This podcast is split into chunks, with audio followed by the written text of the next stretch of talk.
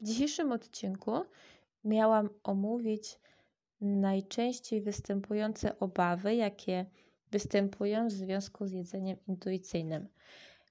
Miałam odpowiadać na pytania, które zostały mi nadesłane przez moich czytelników w mediach społecznościowych i już robiłam notatki, kiedy uświadomiłam sobie, że ja właściwie nie zrobiłam odcinka o tym, czym tak naprawdę jest jedzenie intuicyjne. Dlatego ten temat obaw odkładam na następny odcinek, a dzisiaj będę omawiać dokładnie i ze szczegółami, czym jest jedzenie intuicyjne.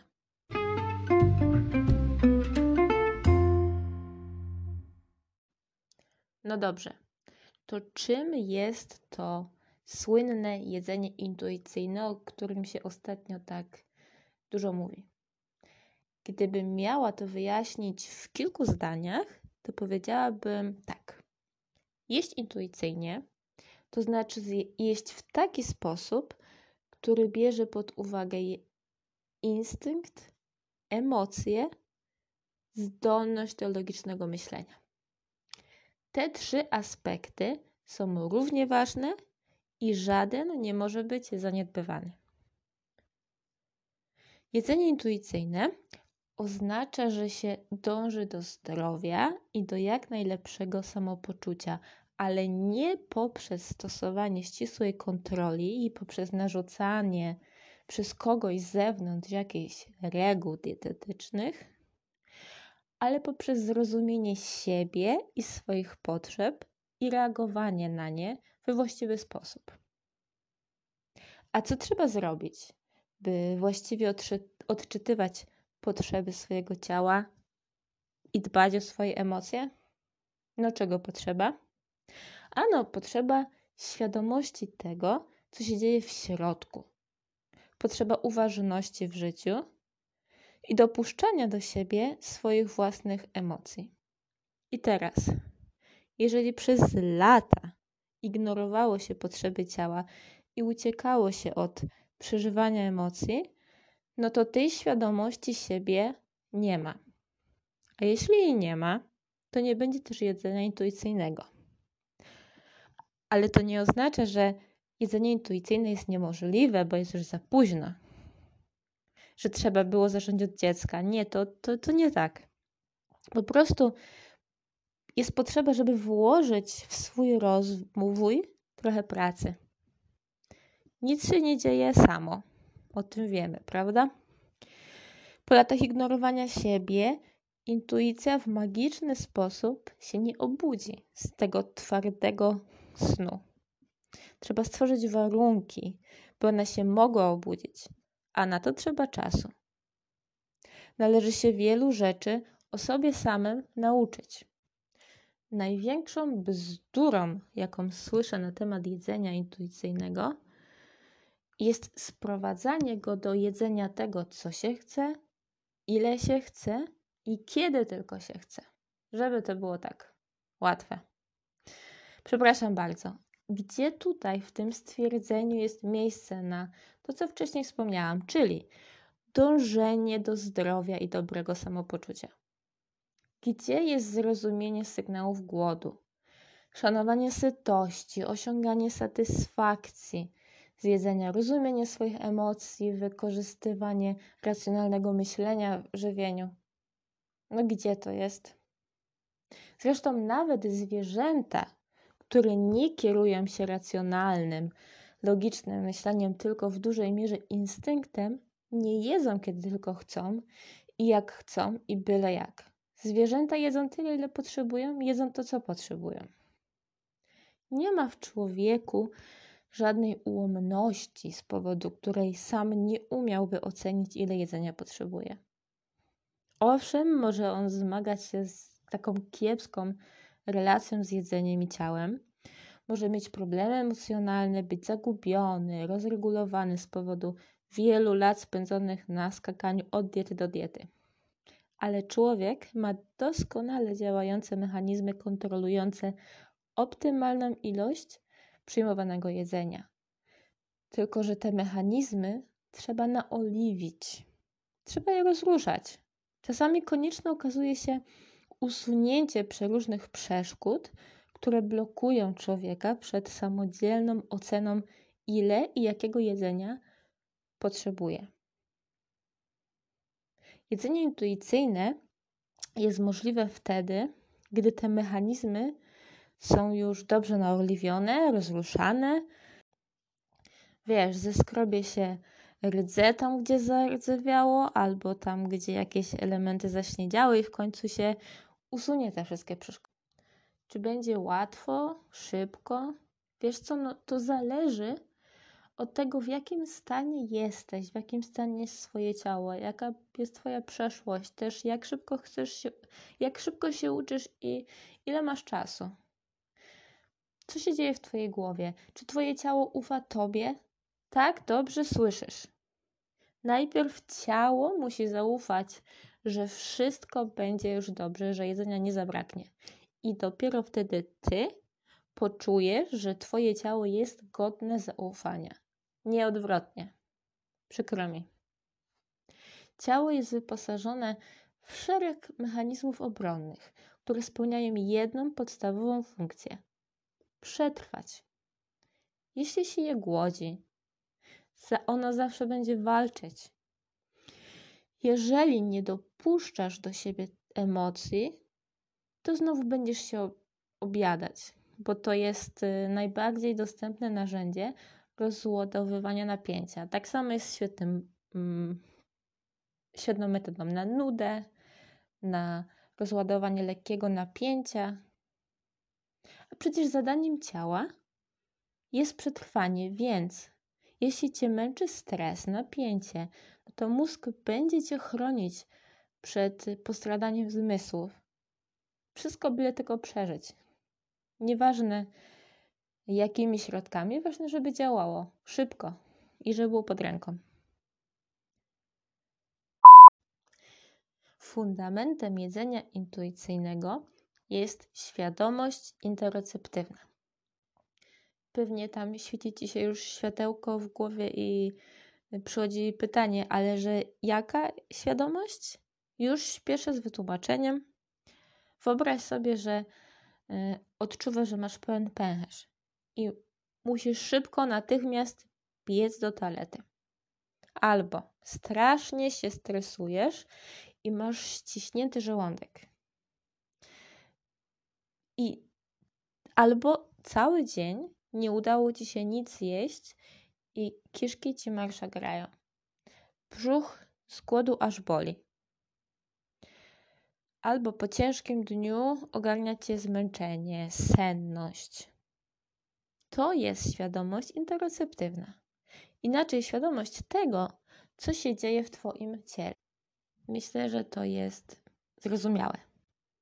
Są takie cztery kwestie, które jedzenie intuicyjne obejmuje. Pierwsza kwestia to jest właśnie wspomniana przed chwilą świadomość swojego ciała. Druga kwestia to zrozumienie, że żywienie obejmuje trzy obszary, wszystkie równie ważne, czyli instynkt, emocje i racjonalne myślenie. Nie zapominamy o byciu racjonalnym. Dalej, trzeci aspekt, to, czyli cel jedzenia intuicyjnego. Jaki jest cel?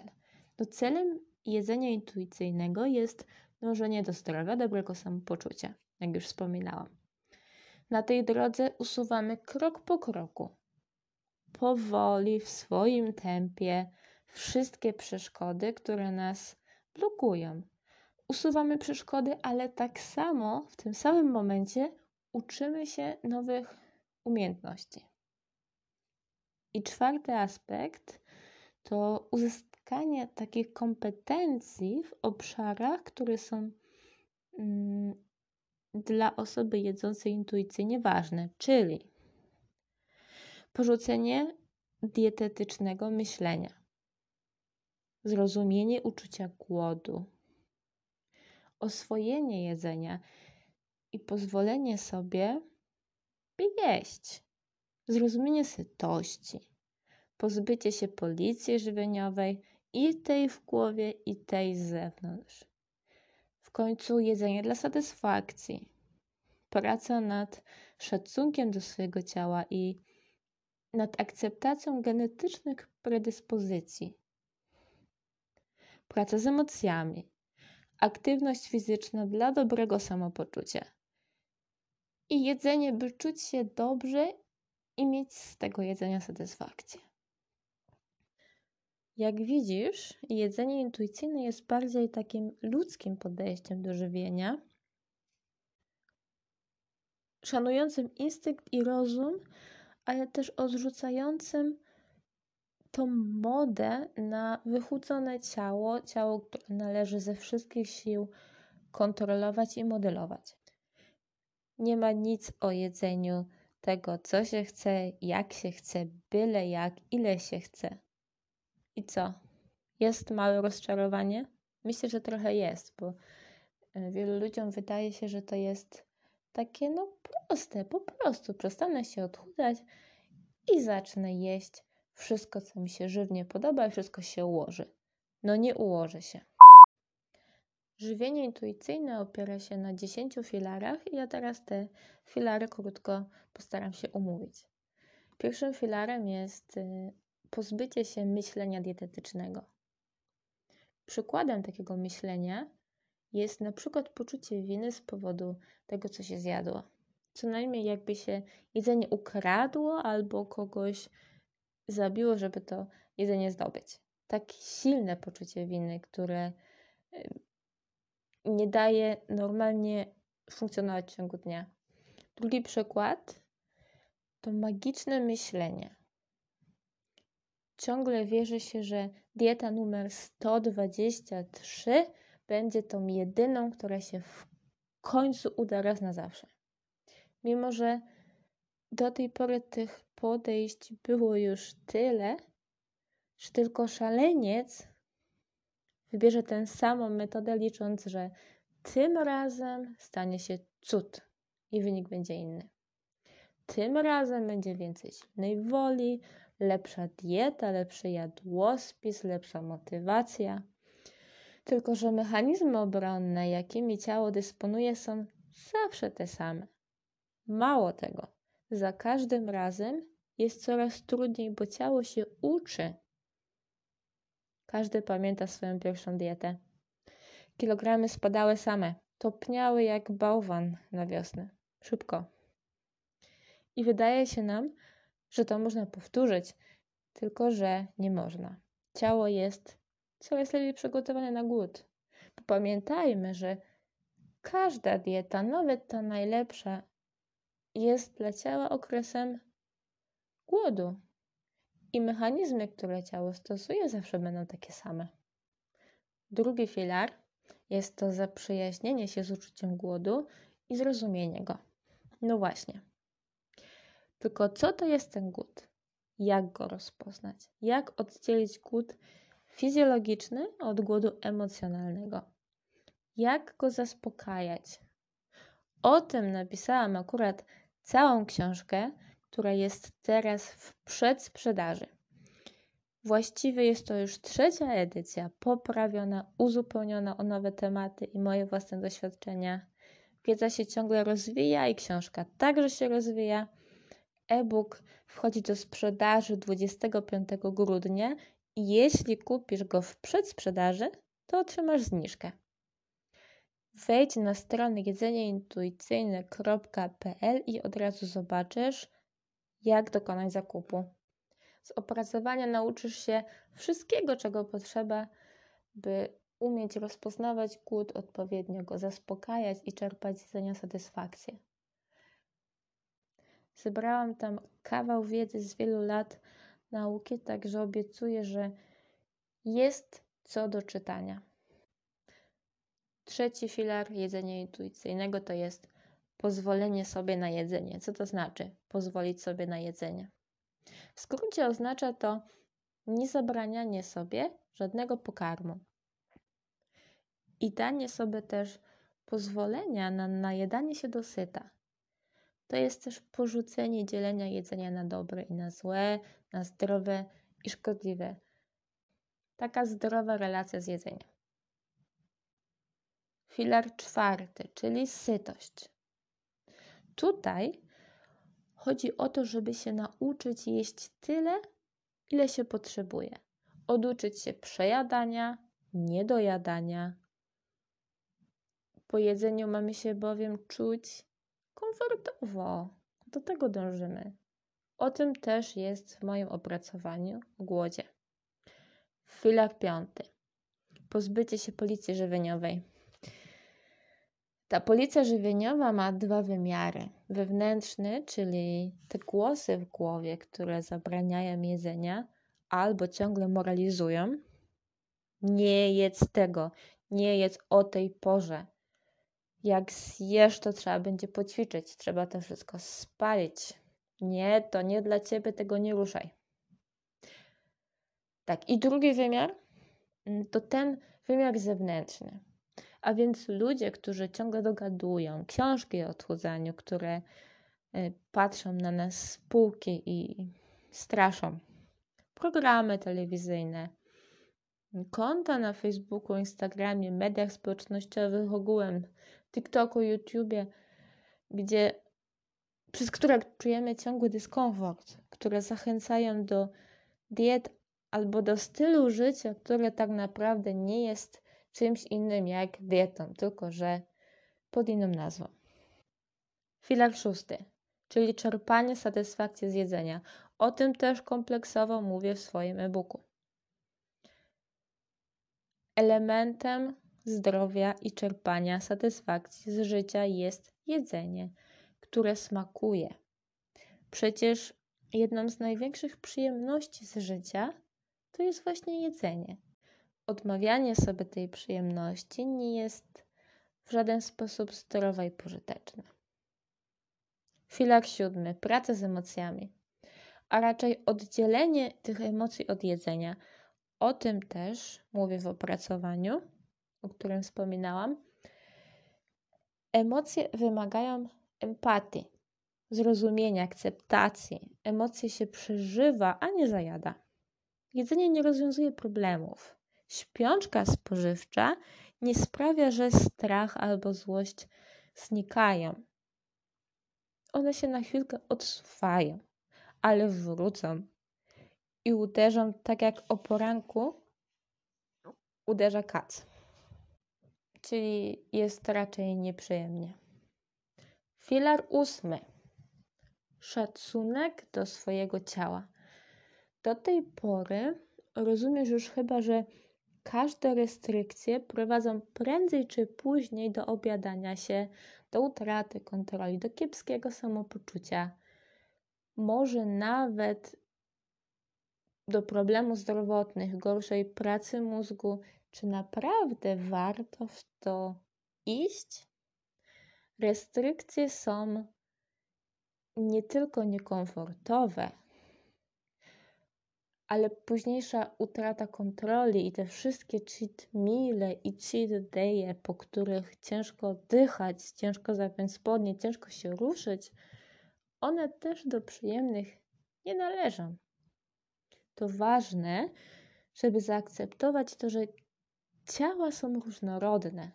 Mamy różne kształty, rozmiary, masy ciała i to jest piękne. Różnorodność jest normalna i dobra.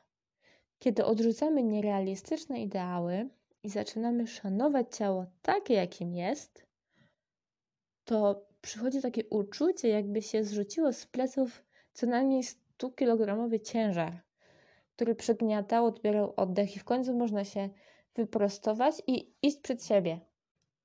Filar dziewiąty. Aktywność fizyczna dla dobrego samopoczucia. Ruszamy się, by czuć się dobrze.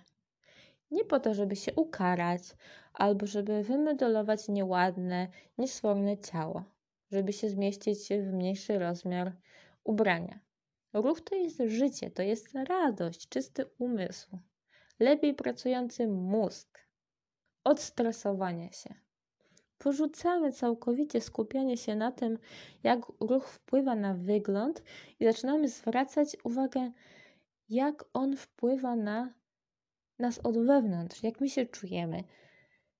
Kiedy pomyślisz, jak długi spacer cię zrelaksuje, jak doda energii, to z pewnością będzie się chciało na niego pójść, zamiast oglądać ten głupi program w telewizji czy w internecie.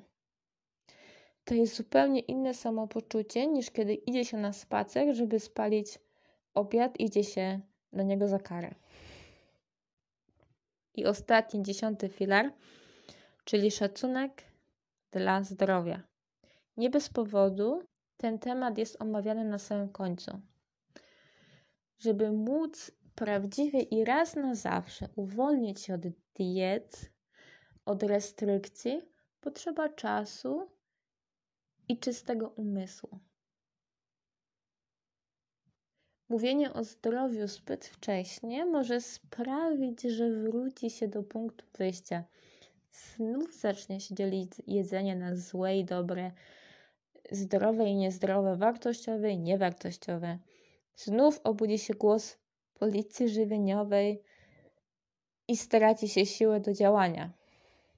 Kiedy natomiast intuicja już się budzi, i wtedy jest takie poczucie, że można zacząć tak planować swoje jedzenie, żeby było i zdrowe, i smaczne w tym samym czasie. Wtedy można zacząć myśleć o kwestii zdrowotnej. Przy okazji, pamiętając, że jedzenie nie musi być perfekcyjne i że człowiek nie robi się chory od jednego posiłku, ani nawet od jednego tygodnia jedzenia. Liczy się to, co my jemy regularnie w dłuższej perspektywie.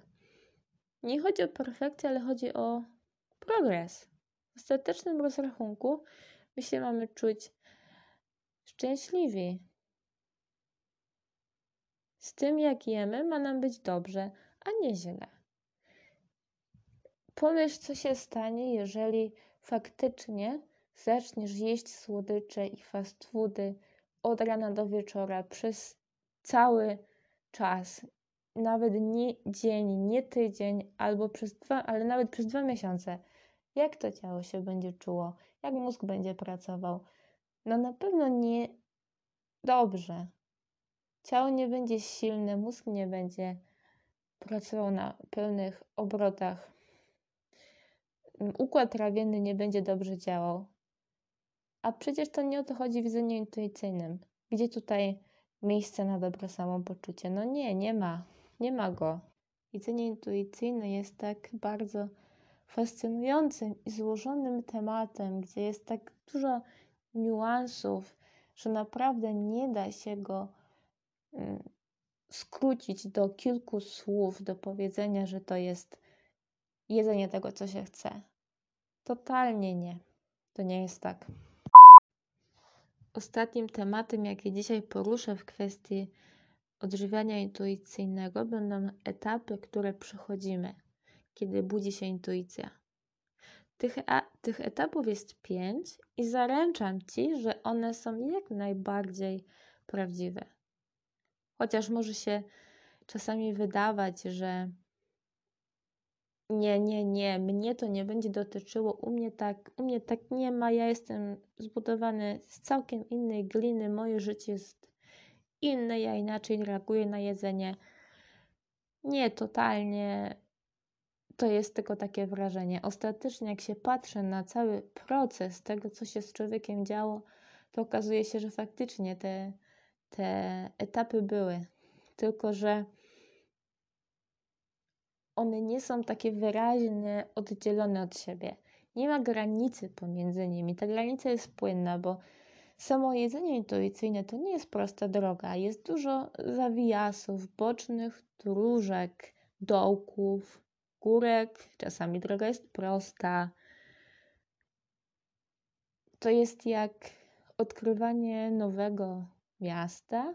Jedzie się jako turysta do jakiegoś historycznego miasteczka i ma się zdążyć na kolację, ale poszło się jakąś boczną dróżką, która notabene była bardzo ciekawa. Mnóstwo cudnej zieleni, jakaś ciekawa architektura.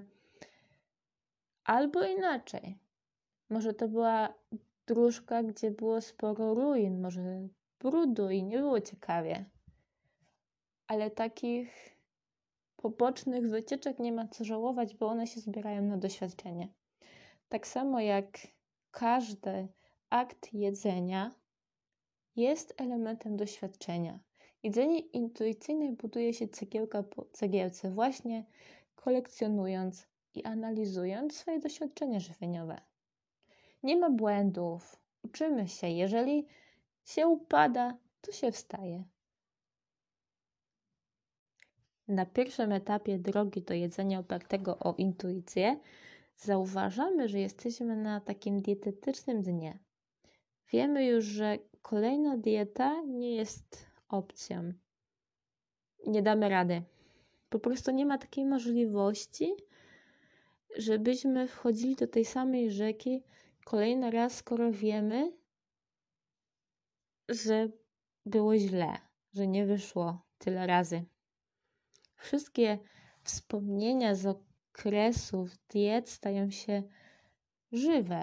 Pamięta się wszystkie trudności, to paskudne samopoczucie, kiepski stan emocjonalny i też ten fakt, że za każdym razem kończy się to i tak w ten sam sposób.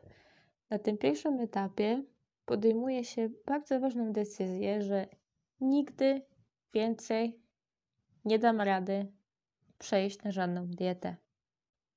I teraz od tej decyzji przechodzi się w etap drugi. Tutaj zachowujemy się tak jak na kursie prawa jazdy.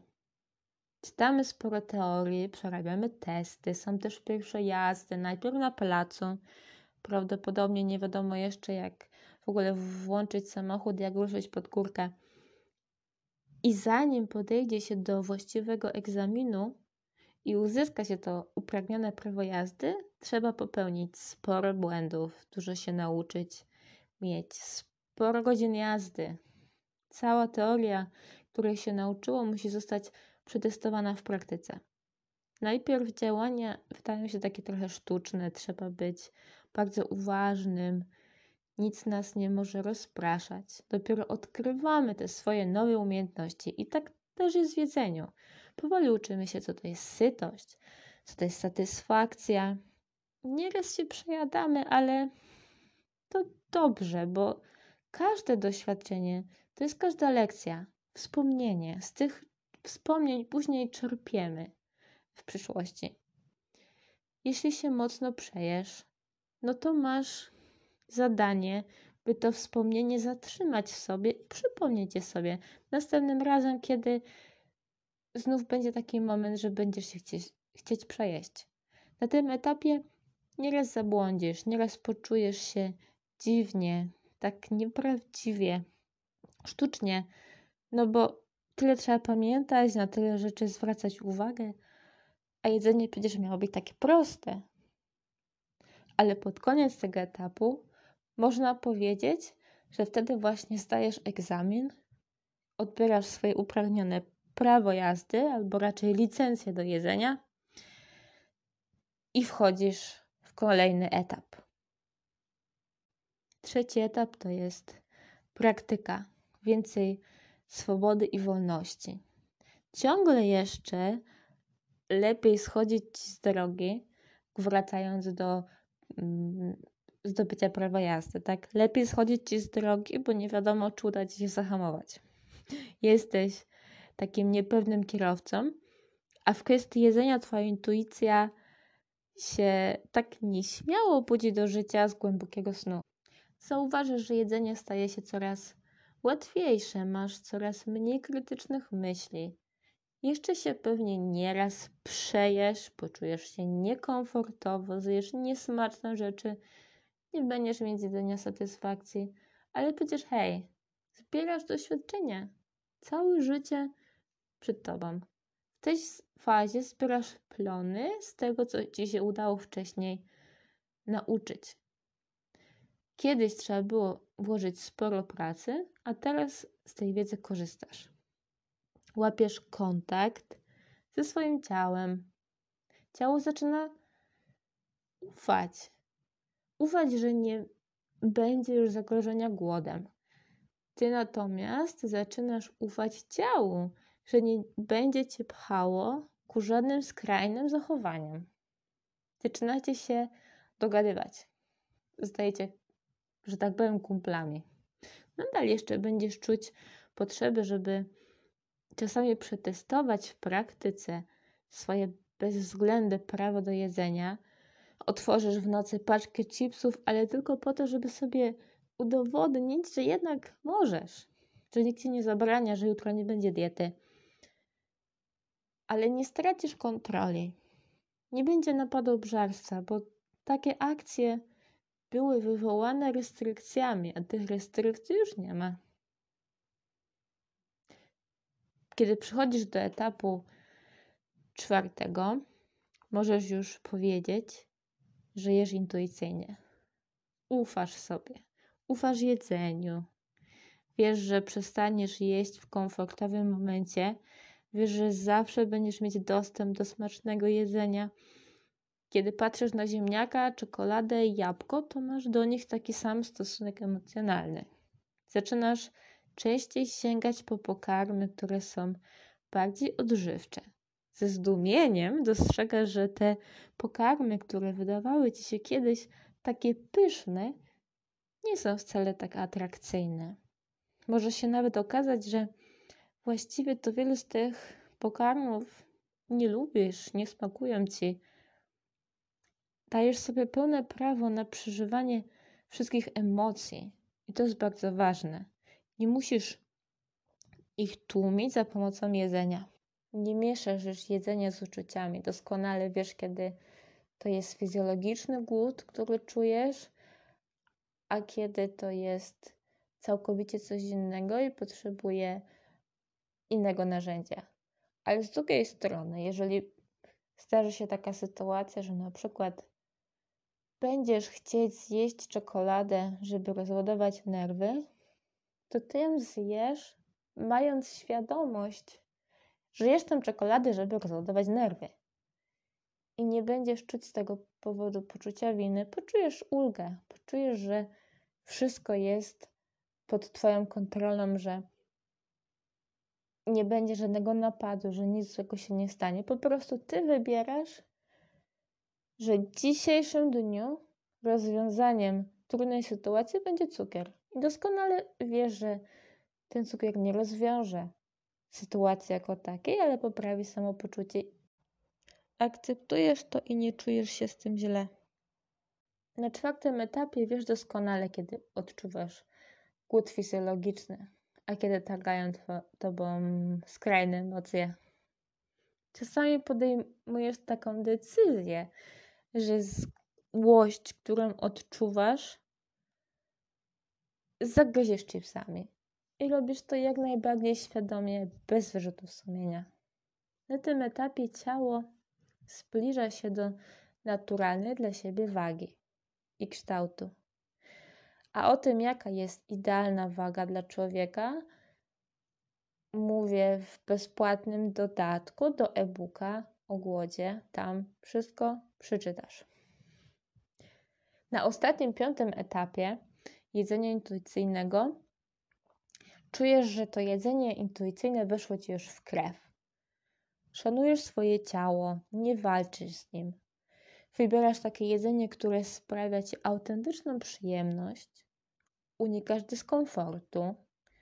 Chociaż gdyby na stole pojawiło się coś naprawdę wyjątkowo pysznego, takiego, że chcesz zjeść nawet po komfortowym nasyceniu, to jesz bez wyrzutów sumienia i cieszysz się, że miło spędzasz czas. Nie masz z tym problemu. Ufasz sobie, ufasz też jedzeniu. Stanowczo potrafisz odmówić, gdy nie chcesz jeść i nie masz też problemu, by jeść, gdy inni mogliby cię osądzać, a nie osądzają.